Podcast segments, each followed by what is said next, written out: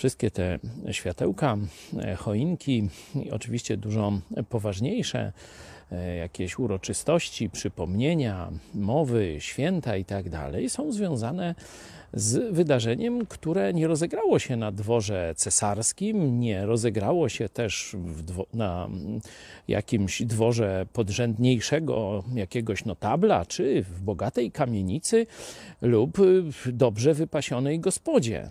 Wydarzenia, które teraz tak e, wspominamy, rozegrały się gdzieś na krańcu historii, gdzieś w jakiejś stajni, gdzieś w jakimś żłóbku. Jaki stąd dla nas wniosek? Mamy naturalną tendencję patrzeć, co się dzieje na dworze cesarskim, królewskim, prezydenckim, co jakieś rządy decydują, jakie ustawy sejmy e, przyjmują, czy co się dzieje u możnych tego świata. Ale najważniejsze wydarzenia historyczne mogą dziać się całkowicie gdzie indziej. Kto w tamtych czasach rozpoznał, gdzie dzieje się najważniejsza rzecz w historii ludzkości?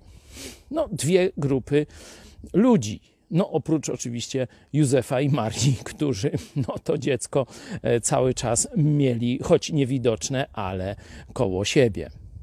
Byli to naukowcy, którzy szukali Boga w stworzeniu. I oni za pomocą tego znaku gwiazdy betlejemskiej trafili na Jezusa.